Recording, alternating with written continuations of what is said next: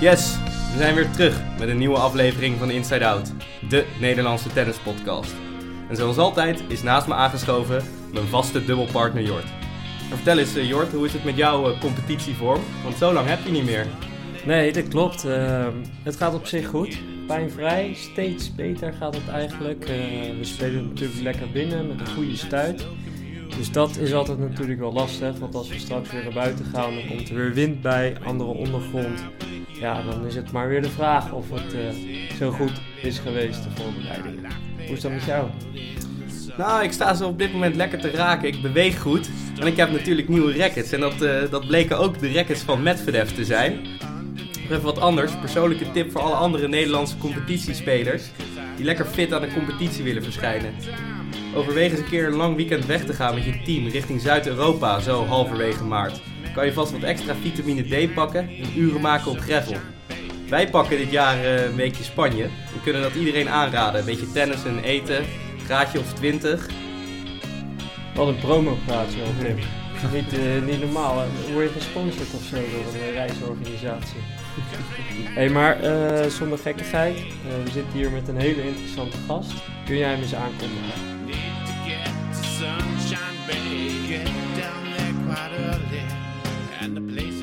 Ja, tuurlijk. Uh, je hebt ook gelijk. We kregen eigenlijk een unieke kans om een van Nederlands meest succesvolle coaches hier te gast te hebben in de podcast. En die hebben we met beide handen aangegrepen. Want hier tegenover mij aangeschoven is namelijk de man die Sharapova meenam voor een training in het Frans Otte Stadion in Amsterdam.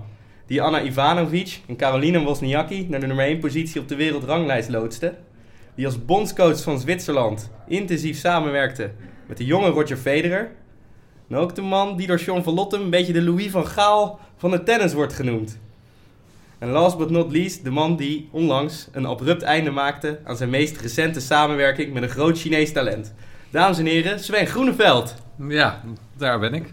Heel leuk om hier uh, bij jullie te zijn. Uh, Inside Out. Uh, klopt dat toch? Dat is de titel? De Inside Out tennis Inside Out. Nou, dat, dat vind ik een heel goed een goede titel voor zo'n mooie podcast. Want uh, ja, Inside Out is toch wel een, uh, mijn favoriete slag eigenlijk in het tennis. Dus dat komt goed uit. Backhand of voorhand Inside Out, hè? Want we zien de meest nou, dingen tegenwoordig. Ja, inderdaad. Uh, je ziet de Inside Out backhand meer bij het damestennis eigenlijk. en bij, bij de heren wordt dat minder gedaan. Maar ik moet zeggen, en er zijn een aantal spelers die het ook natuurlijk met een service return wel vaak doen. Omdat ze natuurlijk wel die service vaak naar het lichaam krijgen. En dan kunnen ze heel goed uh, toch die uh, slag uitoefenen. Ja, het is een, uh, het is een lekkere slag. Ik pas ja. hem zelf ook wel eens toe.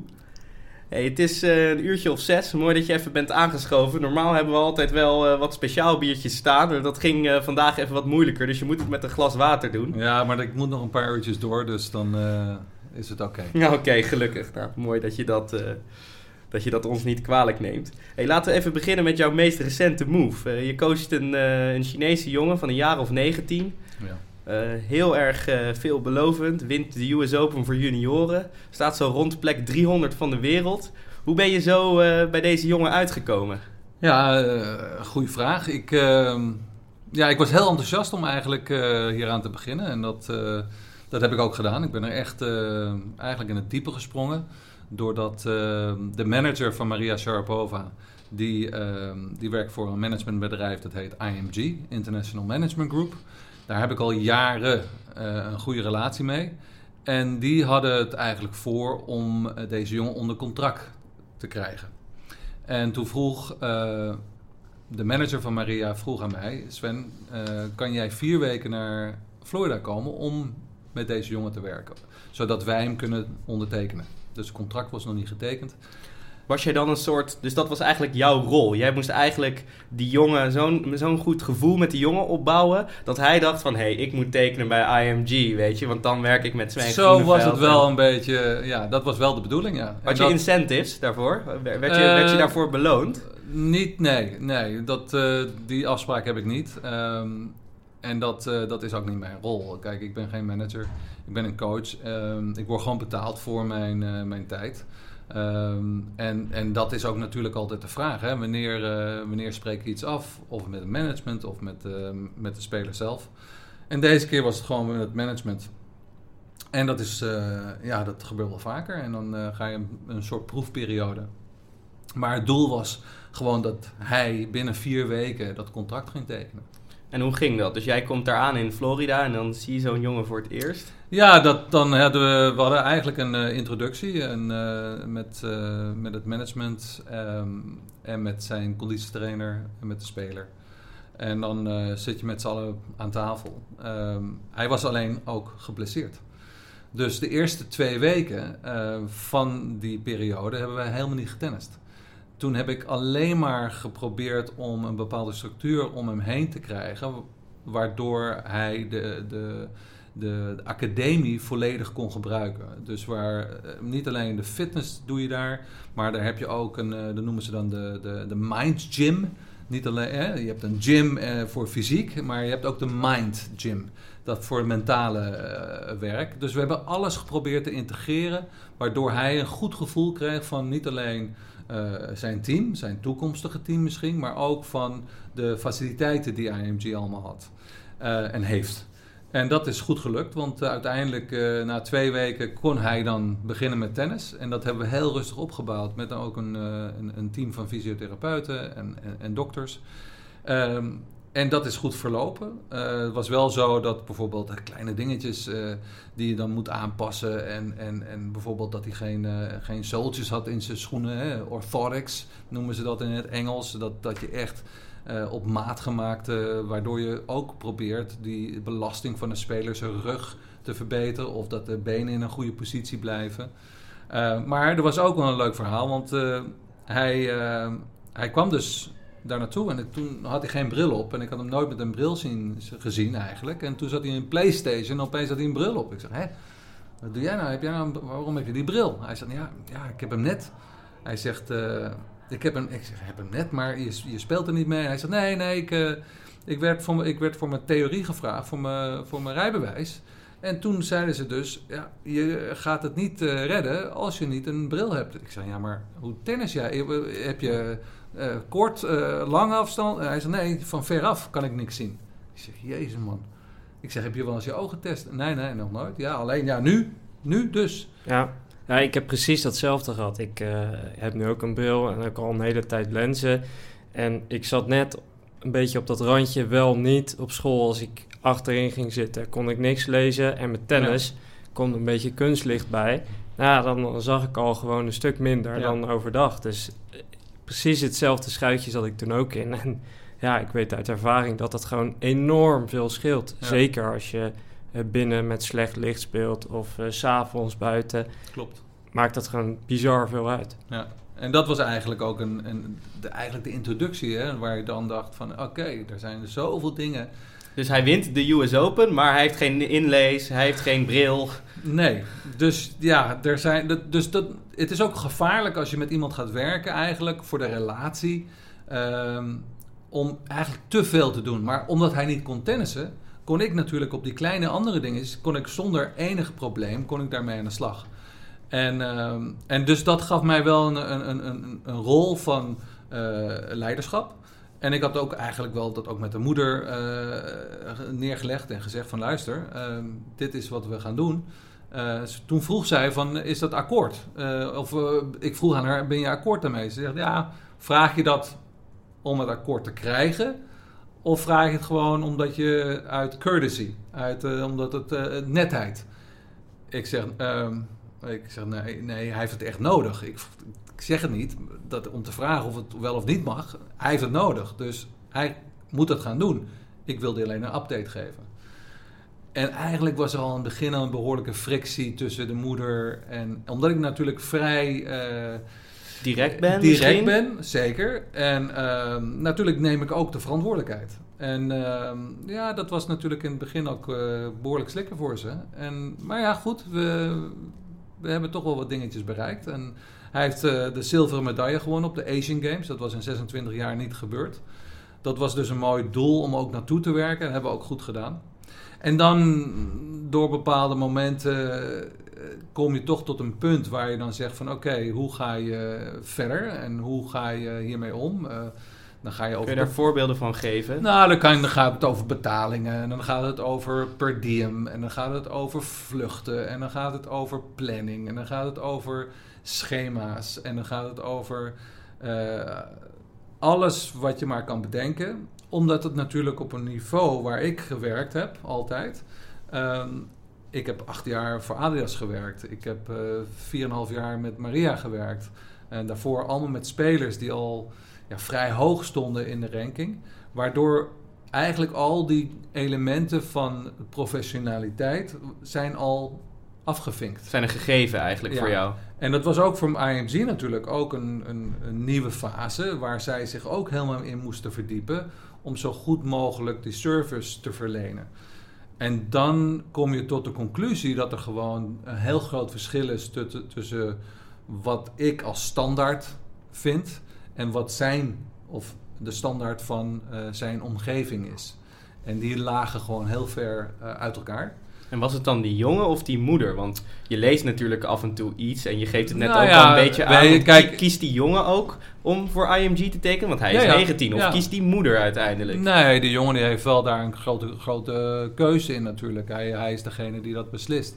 Ehm, uiteindelijk. Maar er zijn elementen waar in elke relatie, of je nou met een, eh, een jonge jongen waar een ouder bij betrokken is, of er is een management bij betrokken, of er is een, een, vader, of er is misschien een vriend, of een, man of een vrouw die daar een, een eh, betrekking in heeft van keuzes.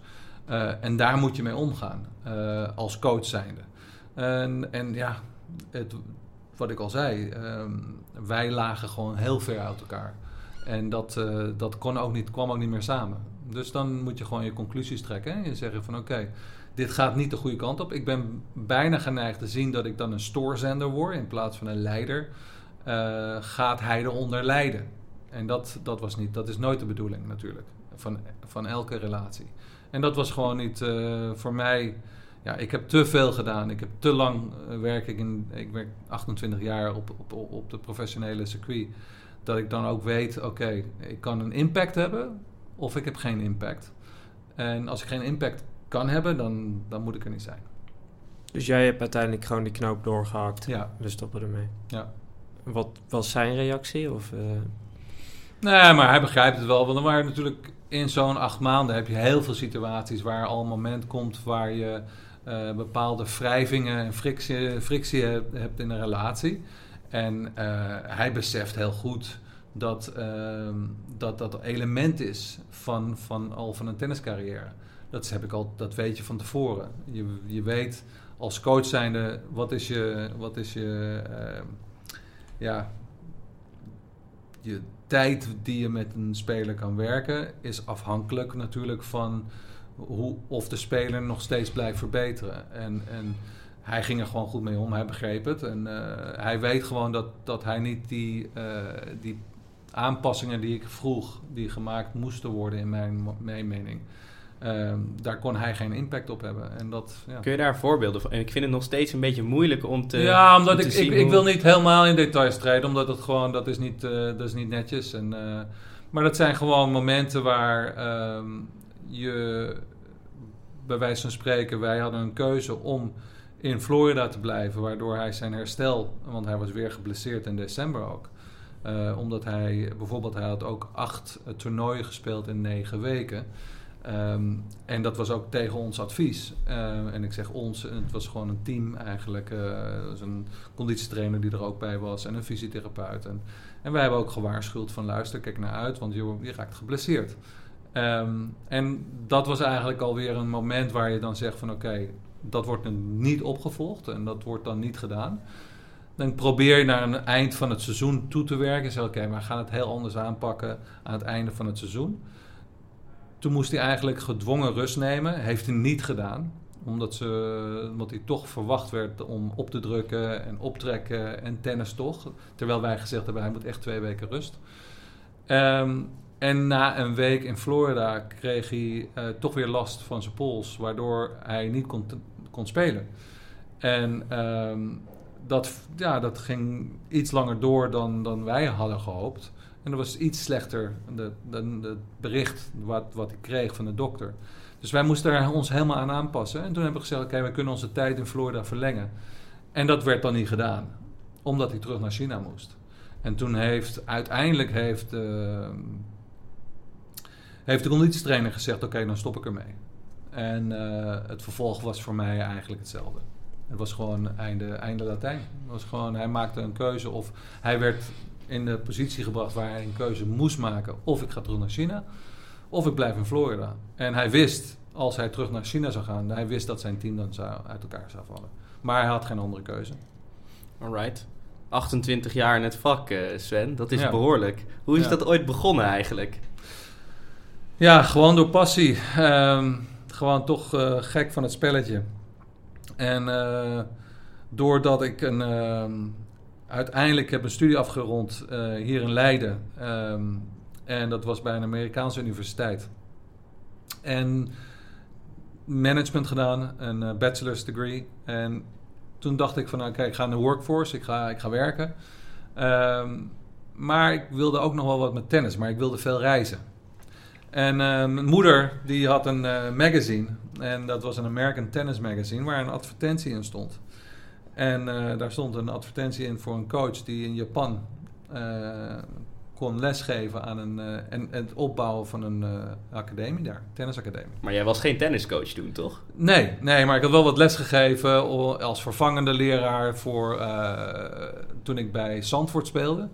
Um, en ja, lesgeven, ik had natuurlijk nooit een, een, lesje gegeven, maar omdat ik natuurlijk wel een studie heb gevolgd voor communicatie met het management, het indelen. Dus ik heb eigenlijk mijn kennis vanuit tennis uh, gezamenlijk, gebracht eigenlijk door het management, waar je gewoon ook heel goed kan uh, opbouwen en, en, en wat trainingsjes kan afwerken. Maar het ging ook om het feit dat ik op dat moment stond ik nog redelijk te tennissen. En um, eenmaal in Japan kwam ik in aanraking met de broer van, en die had mij, die had mij gescout. En, en dat was de broer van de manager van McEnroe. En um, die zat ook al bij IMG, weer bij het International Management Group. En die vroegen: Heb jij iemand die uh, met Monica Seles een week kan trainen tijdens het toernooi dat ze, dat moest spelen? Na de US Open in uh, eh, 91. En ik was er net. En toen zei hij van ja, ik heb een geweldige jongen en uh, die, kan, die kan alles nadoen. En die kan, uh, want toen die tijd, en dat was 91, alle, bijna alle vrouwen speelden allemaal enkelhandige backhand en slice en ja, een service, die, die, die, allemaal, allemaal serve volley nog steeds. En Monica was in die tijd eigenlijk de eerste die heel erg agressief van achteren, beide, hè, dubbelhandig van beide kanten. En die had gewoon een goede sparring nodig. En uh, dat heb ik een week gedaan. Dat was zo goed bevallen. Uh, heb ik het doorgedaan voor zes maanden lang. En uh, ja, daardoor ben ik in aanraking gekomen met het, uh, met het professionele tennis. Ja, en toen zag ik opeens een niche. Ik zag gewoon een kans om uh, zelf te blijven ontwikkelen in die, in die rol. Niet alleen als van toegevoegde waarde als, als sparring, maar ook in het ja, eh, de carrière, eh, het plannen, ehm, het, het, het, het, schema maken voor, voor zo'n speler. En ehm, ik had het geluk dat ik natuurlijk met de nummer 1 begon van de wereld. En waardoor ik eigenlijk vanuit de, de bovenste eh, positie kon kijken van oké, dit, dit, dit heeft toekomst. En toen waren er nog niet zoveel coaches die eigenlijk de hele wereld rondreisden.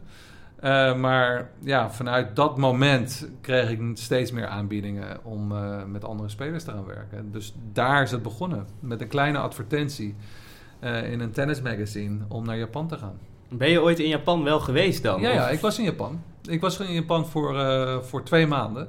En ik had ook al een andere, ik had een hele goede baan aangeboden gekregen om met een Japanse professionele speelster te werken. Die was nummer 30 van de wereld.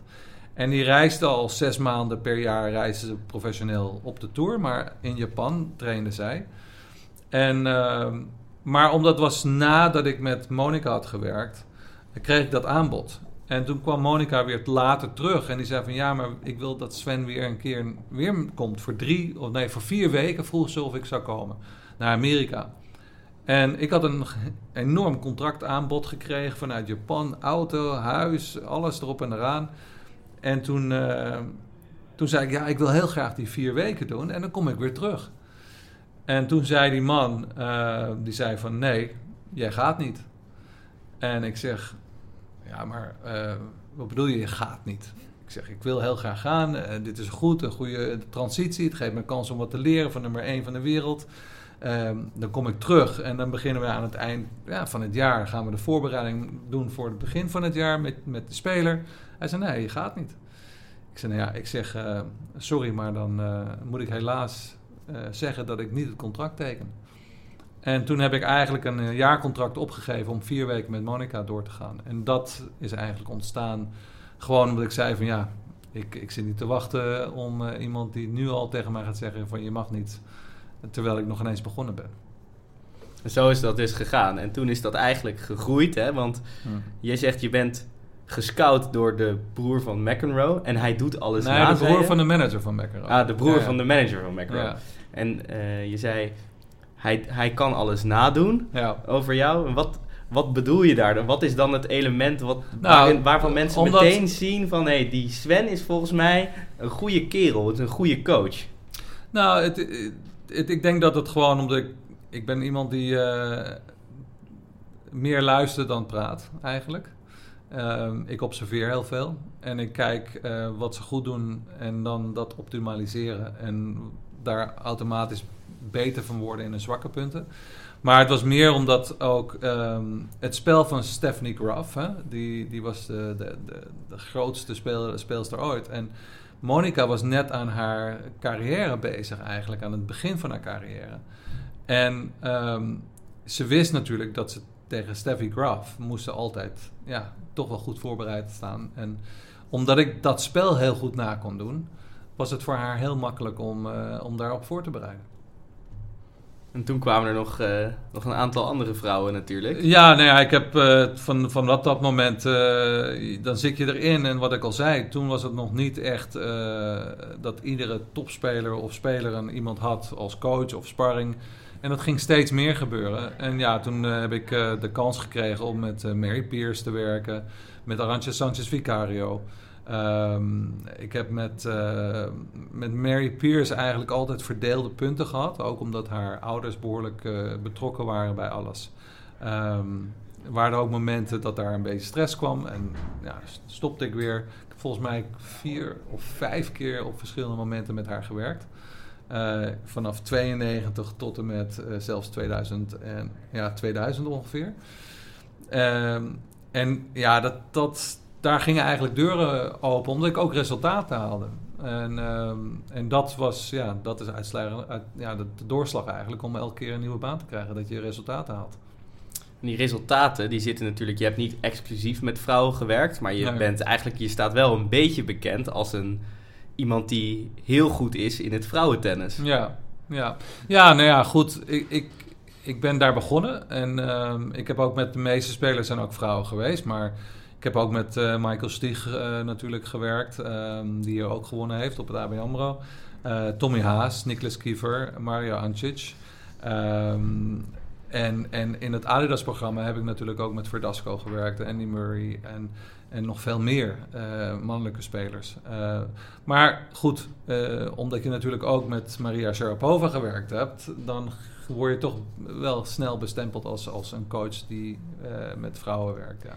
Maar krijg je dan de laatste jaren of de laatste tien jaar, zeg maar, uh, ook aanbiedingen van grote uh, spelers in het mannentennis?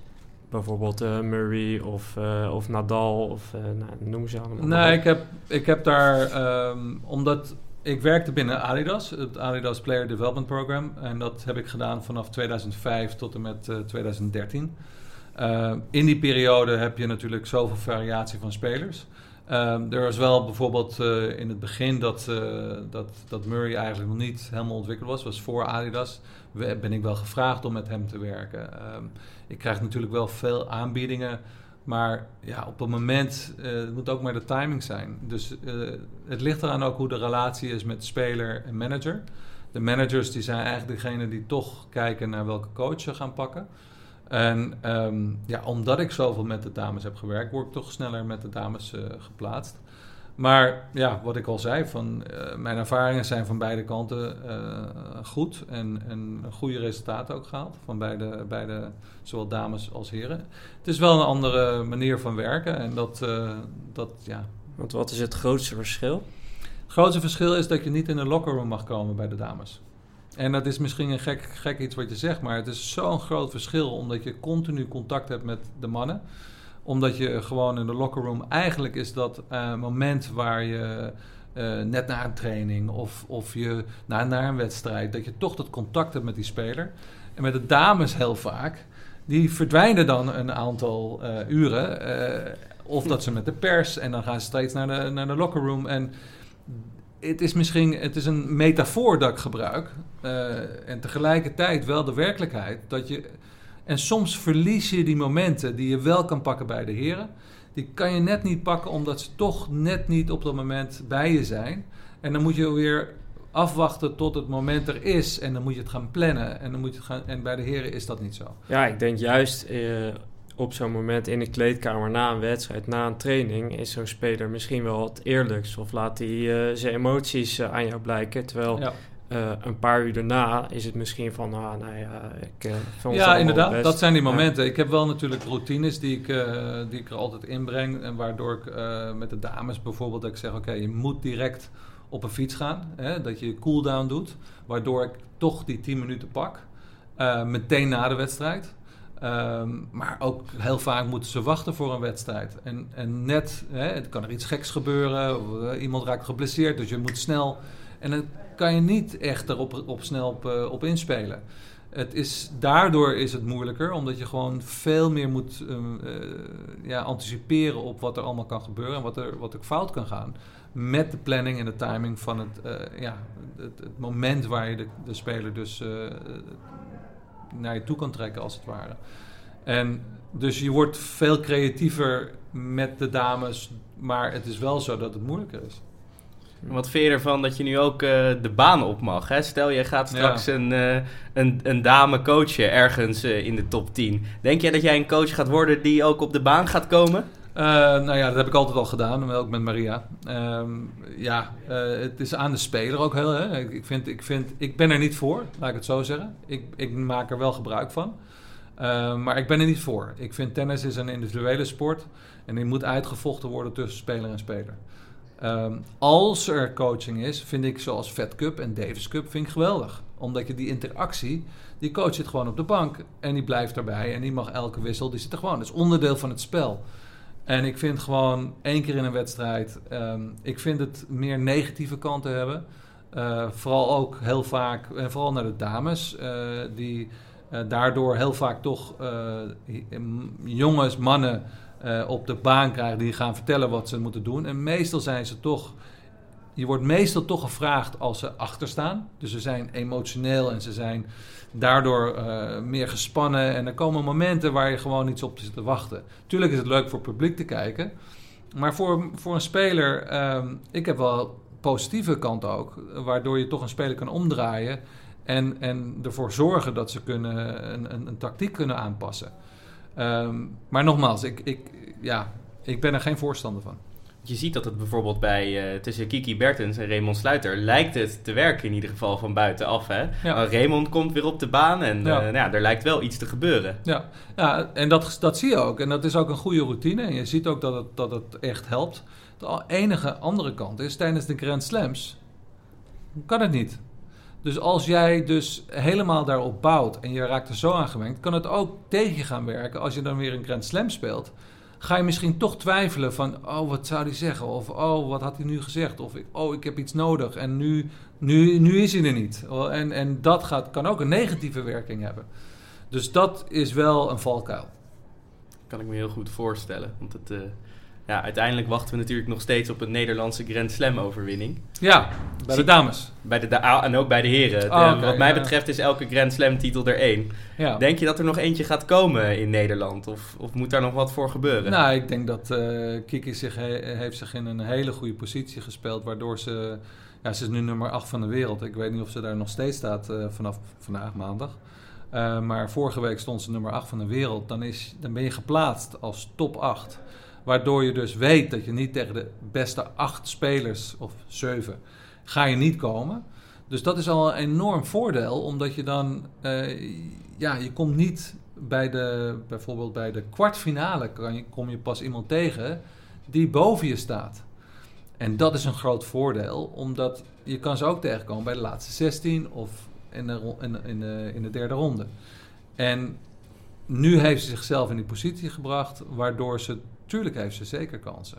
En, maar aan de andere kant, als je in die top 10 staat en je bent nummer 8 van de wereld, ja, je wordt toch gezien als een, uh, ja, een mooie overwinning. Als je tegen een top 10 speler wint, is het alsof je een toernooi wint. Want je krijgt meteen zoveel media, vooral als een underdog.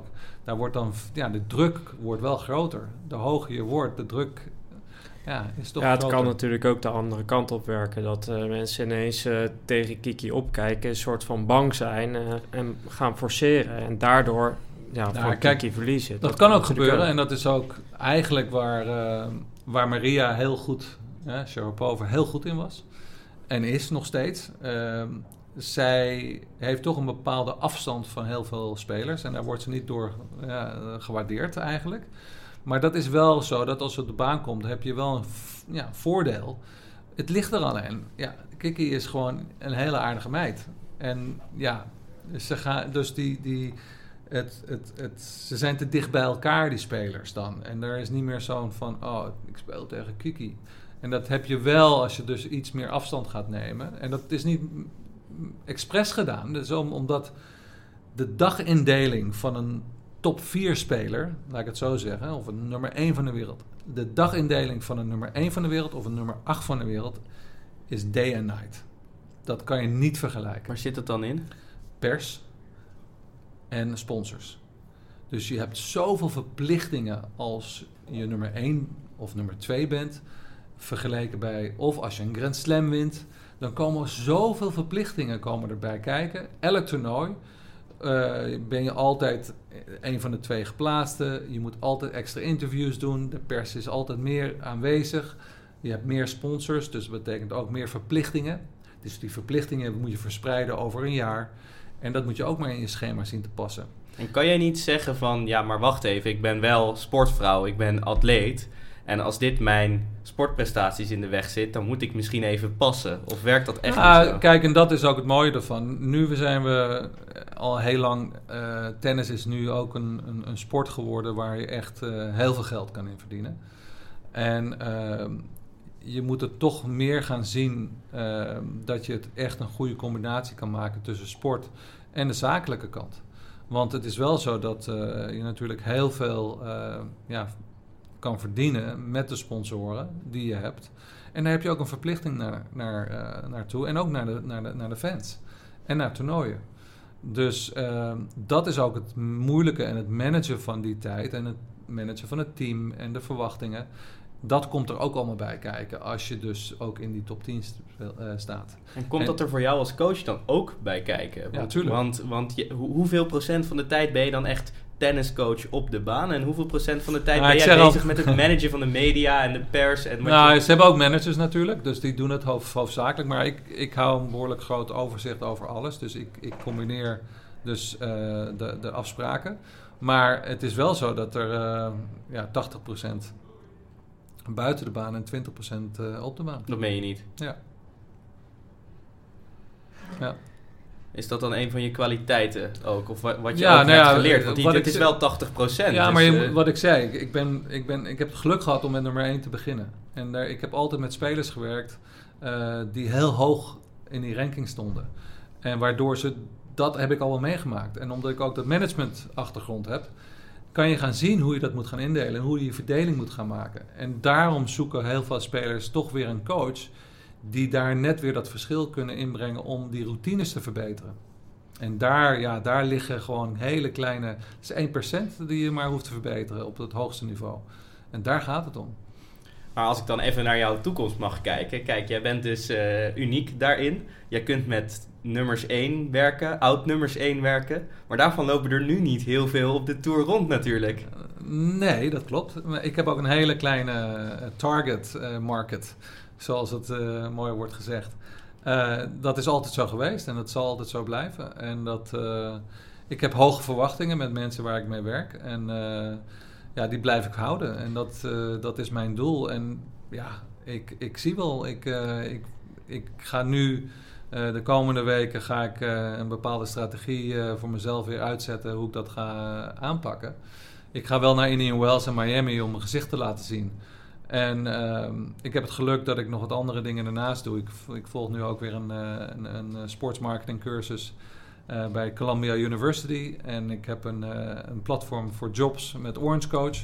Eh, Ik zat er eventjes op, ja. Een Ja, mooie nee, website heb je ja. gemaakt. Ja, dus dat is eigenlijk gekomen door dat hele Japan. Dat ik toch begonnen met zo'n kleine advertentie. Dus ja, Orange Coach doet dat nu online. Ik ben ook ambassadeur voor een, voor een tennismerk, eh Tolson. Eh, dus ik heb nog genoeg andere dingen te doen. Eh, maar als de juiste persoon, eh juiste speler aankomt kloppen... en waar ik denk dat ik een verschil in kan brengen... En vooral mijn doel is nog steeds, ik wil heel graag als coach toch nog Wimbledon een keer en de US Open. Ehm, en dat eh halffinale Wimbledon heb ik wel mogen beleven. Finale en halffinale ook US Open. Maar nog genieten de, de overwinning. Heb je al in je hoofd een lijstje met namen waarvan je denkt van als die belt, nou dan, dan eh, zeg ik meteen ja en dan eh, vlieg ik meteen uh, Roger mag altijd bellen. Het is een Nederlandse podcast, hè, dus ze luisteren toch niet. Dus je Nee, kan het nee, hier wel nee. een beetje verklappen. Nee, ik heb geen lijstje. Ik heb echt geen. eh, er zijn niet echt. Ik, ik, tuurlijk kijk ik wel naar de spelers die eh, begeleiding nodig hebben en die, die, die, die eh, die Maar ik kijk ook heel erg naar, past, het, past die speler wel bij mij? Ja, of, tuurlijk. past, ja, of ik pas bij de speler? Past het in mijn eh, karakter? En dat, ja, dat moet je dan allemaal weer afwachten. En, Ja. Ja. ik denk wel dat zo'n speler of speelster er natuurlijk ook van tevoren goed over nadenkt. Die kennen jou natuurlijk ook. Die Ja. zullen ook denken van, nou, ik neem hem alleen maar omdat, het, omdat hij goede resultaten heeft gehaald. Of is het zo van, nou, dit is wat ik nodig heb om net Ja. die volgende stap te maken. Dus ja, ik denk dat dat uiteindelijk eh, eh, ja, wel bij elkaar komt. eh. Ja, we gaan het zien. Ik, eh, ik wacht het af. Ik heb nog geen, eh, geen concrete plannen. Dus, eh, Heb je dan een bepaald type speler, speelster die nee, ik heb ook, ik heb, daarom, ik heb ook met allemaal verschillende type spelers gespeeld. En dat eh, maakt mij een soort chameleon. Eh, ik pas me aan aan de situatie en ik probeer daar optimaal mee om te gaan en het eh, maximale uit de speler te halen. Het gaat niet om mij. Weet je, het gaat niet om, eh, en dat probeer ik elke keer weer te verleggen, maar het gaat om de speler. En het is wel zo dat ik een bepaald advies en een bepaalde doelstelling heb, altijd. Maar, en die moet overeenkomen met de speler. Maar het gaat uiteindelijk alleen maar om de speler. En ik wil me eigenlijk steeds wegcijferen. Alhoewel, je moet natuurlijk ook, net zoals wat er nu in China dan weer gebeurt. Ehm, dan, als je niet op één lijn komt, dan moet je gewoon ook afstand kunnen nemen. En dat vind ik als coach als het, ook een verantwoordelijkheid, moet je die dragen. Om te zeggen van, gaat niet goed, stoppen. En dat, dat is een tipping point. En die tipping points, die, of je forceert ze, dat doe, je, doe ik ook wel eens. En, en of ze komen opeens out of nowhere en dan is er een tipping point en dan, ja. Of je gaat verder of je stopt. Spannend hoor. Sven, je zei Roger kan altijd bellen. Ik wil Ja. je toch nog een beetje testen. Stel, jij komt eh, ergens een keer Stefanos Tsitsipas tegen. Ja. En die zegt, Sven, kunnen we samenwerken? Zou je het overwegen? Nee. Waarom niet? Nee, ik vind, nee, ik, de, ik vind hem een goede speler hoor. Don't get me wrong. Eh, past niet bij mij. Oeh, de bar is high. Stel, je komt eh, Jelina Svitolina tegen, hand in hand met Gael Monfils. En Monfils zegt, nou ja, ik ga geen Grand Slam meer winnen, maar deze dame, die gaat het misschien wel doen. Zou je Nou, ik vind, ik vind zeker dat zij een Grand Slam moet winnen. Ik had verwacht dat ze vorig jaar dat ging doen. Dit jaar, ik denk nog steeds dat zij aan de top eh, zit van eh, de mogelijke Grand Slam winnaars. Ehm, eh, misschien met een klein duwtje in mijn rug. Maar op dit moment eh, zou ik daarvoor passen. Het dollarbiljet zijn niet zo hard hè, in je rug. Ja, dat is altijd afwachten. Jort, heb jij nog eh, een speler of speelster, nu we toch een beetje aan het testen zijn? Want we, Oh. eigenlijk hebben we dus nog niet, we zitten nog niet helemaal in de goede range. Ik, Ja. ik zet de laag in met Tsitsipas. Ik heb het, iets, het bot iets verhoogd. Nou, ik denk dan aan Zverev bijvoorbeeld. Die heeft toch wel echt moeite om die stap op de Grand Slams te maken. En nou ja, ook het laatste toernooi weer op de Australian Open.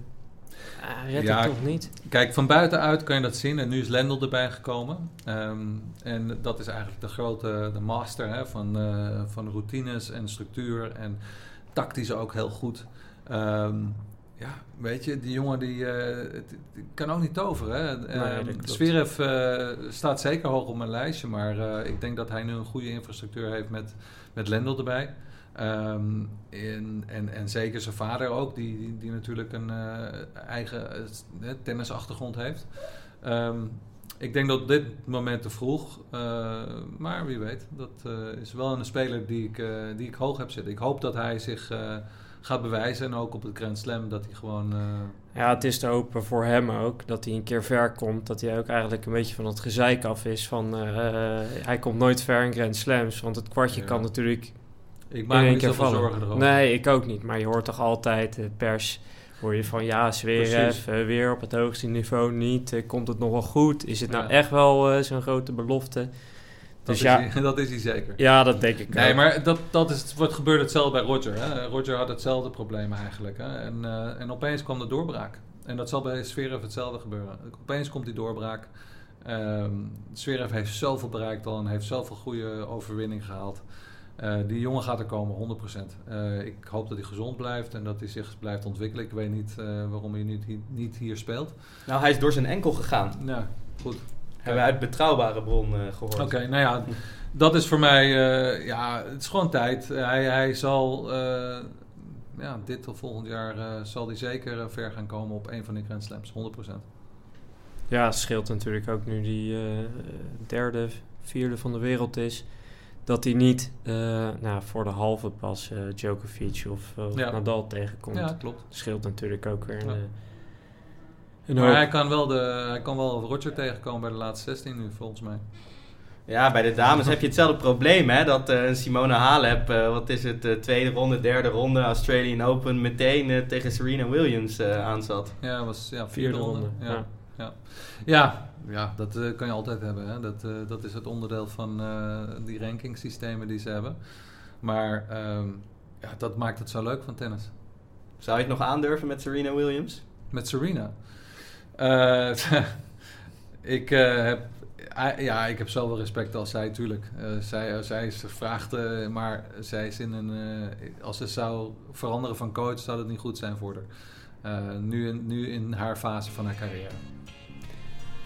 Mooi eh, Sven, ik vind het mooi dat je zo openhartig bent en dat je ook eh, een beetje meespart over mogelijke opties. We gaan je natuurlijk ontzettend in de gaten houden wat er gaat gebeuren. Ja, nou ja, maar het, als ik het zo hoor, wordt het nog niet heel makkelijk. Dan moet er echt nog eventjes...